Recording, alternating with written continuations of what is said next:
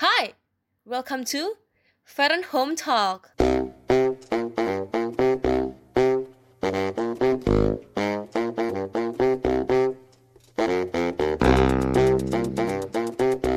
Coba deh, manfaatin waktu sama karantin ini quality time sama mereka.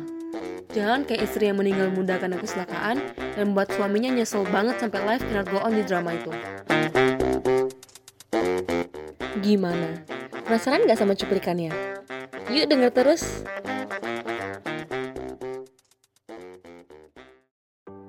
Hai guys, apa kabar? Semoga kalian semua sehat dan yang terpenting semua still stay at home ya. Walaupun kita dalam keadaan WFH, tapi yang terpenting tetap produktif dan gue di sini mau nemenin hari kalian. So, this is my first podcast yang gue buat untuk hibur teman-teman semua yang juga lagi menjalani WFH ini. Kalau kita ngobrol, nggak dari masalah yang sedang kita hadapi sama bangsa ini kan, yaitu corona. Pandemi ini buat kita semua harus dan gak ada pilihan untuk stay at home. Itu pun yang gue rasakan sebagai mahasiswa Binus University. Banyak hal yang berubah dan butuh adaptasi. Kayak contoh, yang tadinya belajar face to face bisa ngobrol, diskusi, sama temen dan dosen, sekarang cuma bisa kerjain tugas online dan harus belajar sendiri.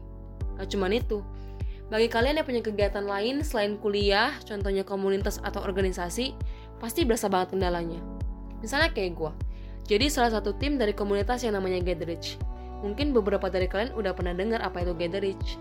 Gatherich itu komunitas yang bantu milenial untuk melek secara keuangan.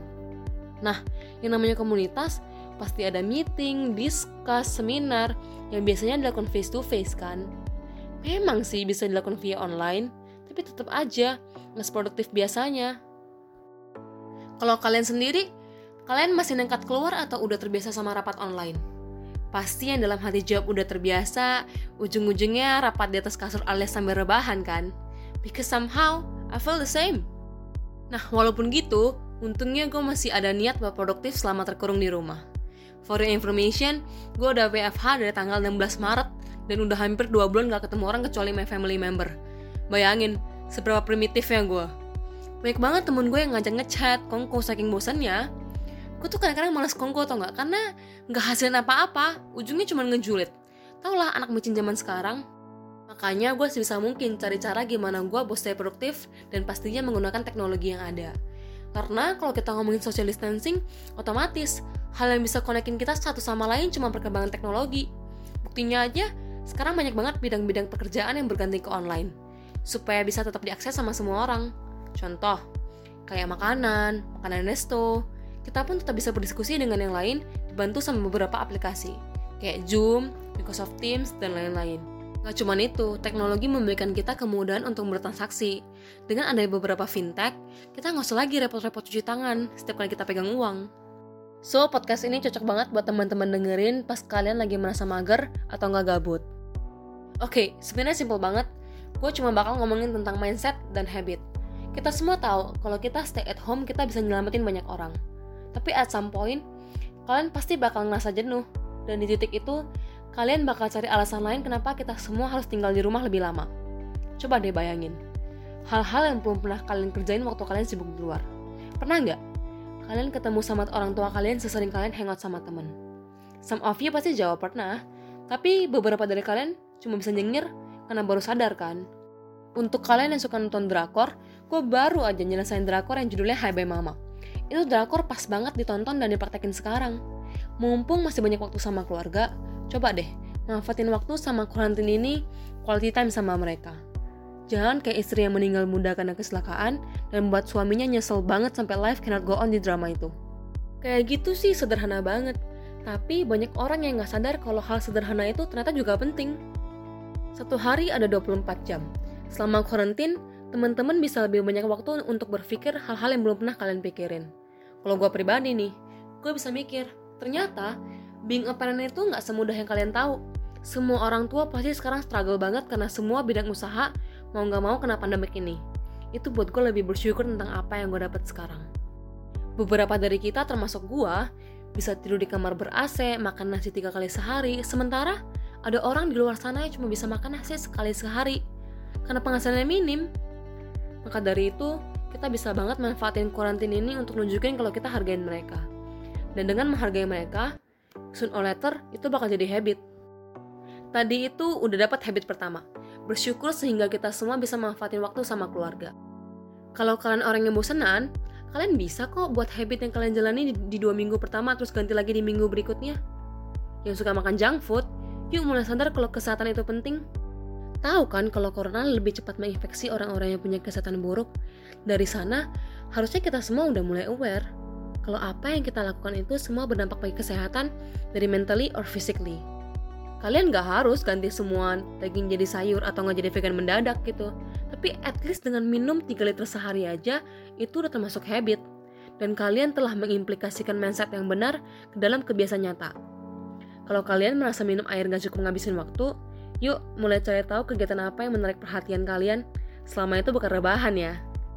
Buat kalian yang malas gerak tapi pengen gerak, kalian bisa deh cobain yoga. Karena yoga jelas lebih ringan daripada kardio kan. Tapi buat kalian yang pecicilan, bisa nih challenge diri kalian sendiri. Di Google atau YouTube tuh banyak banget. Dan kalau kalian masih ngeles karena mager, bisa nih kontak gue. Nanti gue kasih motivasi. Mumpung kita masih hidup di antara teknologi, ayo sama-sama manfaatin untuk hidup yang lebih baik. Oke nggak? Oke ya. Next, gue punya beberapa tips and trick buat kalian supaya habit dan mindset kalian stay in the track. Yang pertama, kalian bisa buat list to do atau list apa yang harus kalian lakuin setiap hari dalam seminggu. Put effort on it. Buat semenarik mungkin untuk kalian. Dikasih warna kayak digambarin, kasih stiker. Kasih reward and konsekuensi setiap kalian achieve atau nggak langgar something. Nah, yang kedua, buat 3 days komitmen untuk olahraga. Jangan ada excuse selama tiga hari itu. Tips yang kedua ini boleh banget digabungin sama tips yang pertama. Kalian boleh tulis list to do kalian everyday yaitu olahraga. Bisa juga loh olahraga via online. Banyak kan sekarang aplikasi-aplikasi yang kasih tutorial gratis. Kalau kalian masih pemula, boleh deh trial tiga hari dulu. Terus sisanya terserah kalian mau ngapain. Tapi, biasanya dalam tiga hari itu, kalian akan ngerasain kalau kegiatan itu bakal jadi kebiasaan kalian. So, do it every week.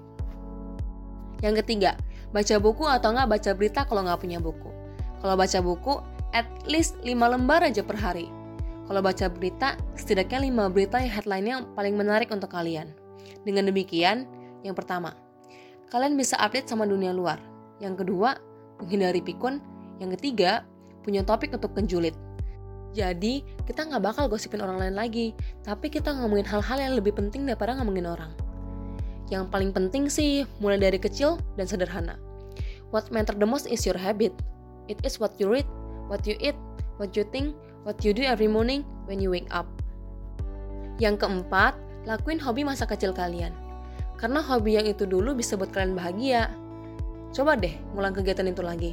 Siapa tahu kegiatan itu bisa buat kalian lebih bahagia dan bisa kurangin stres karena corona. Otomatis, hormon endorfin kalian akan meningkat dan itu bisa jadi salah satu vitamin anti corona. Nih, yang terakhir dan paling random menurut gue, tapi it works beneran. Bagi kalian yang punya tanaman di rumah, kalian bisa mulai take care of them. Atau yang belum punya, kalian bisa order satu tanaman yang gak rewel dan bisa mulai konsisten merawat tanaman itu. Kalian juga bisa loh nge-track tanaman dengan cara pakai video atau aplikasi biar kalian bisa nge-track pertumbuhan tanaman seberapa cepat dan seberapa lambat. Karena percayalah, manusia dan alam itu satu kesatuan, dan somehow dengan rawat tanaman, you will find peace in yourself. Kita tuh beruntung banget karena udah ada zaman ini. Zaman yang di mana teknologi telah menguasai hampir 45% kegiatan manusia. Kita bisa ngelakuin hal-hal yang tadi gue sebutin di atas, dibantu dengan Google, YouTube, aplikasi-aplikasi yang jelas membantu kita banget kan. Dan itu bisa buat nambah kita tambah semangat untuk jalaninnya.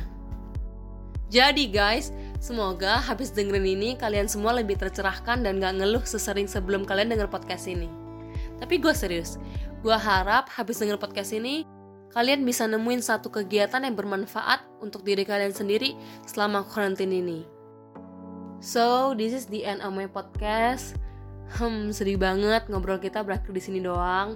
Tapi tenang aja, gue bakal ninggalin kontak gue buat kalian yang masih pengen ngobrol bisa langsung DM IG gue at Ferentera Victor Eko Romeo Eko Nano Tango Hotel Eko Romeo Alpha kita bisa ngobrol di sana Ataupun buat kalian yang masih pengen gue ngobrol hal-hal lain, topik-topik lain, bisa juga DM gue di sana.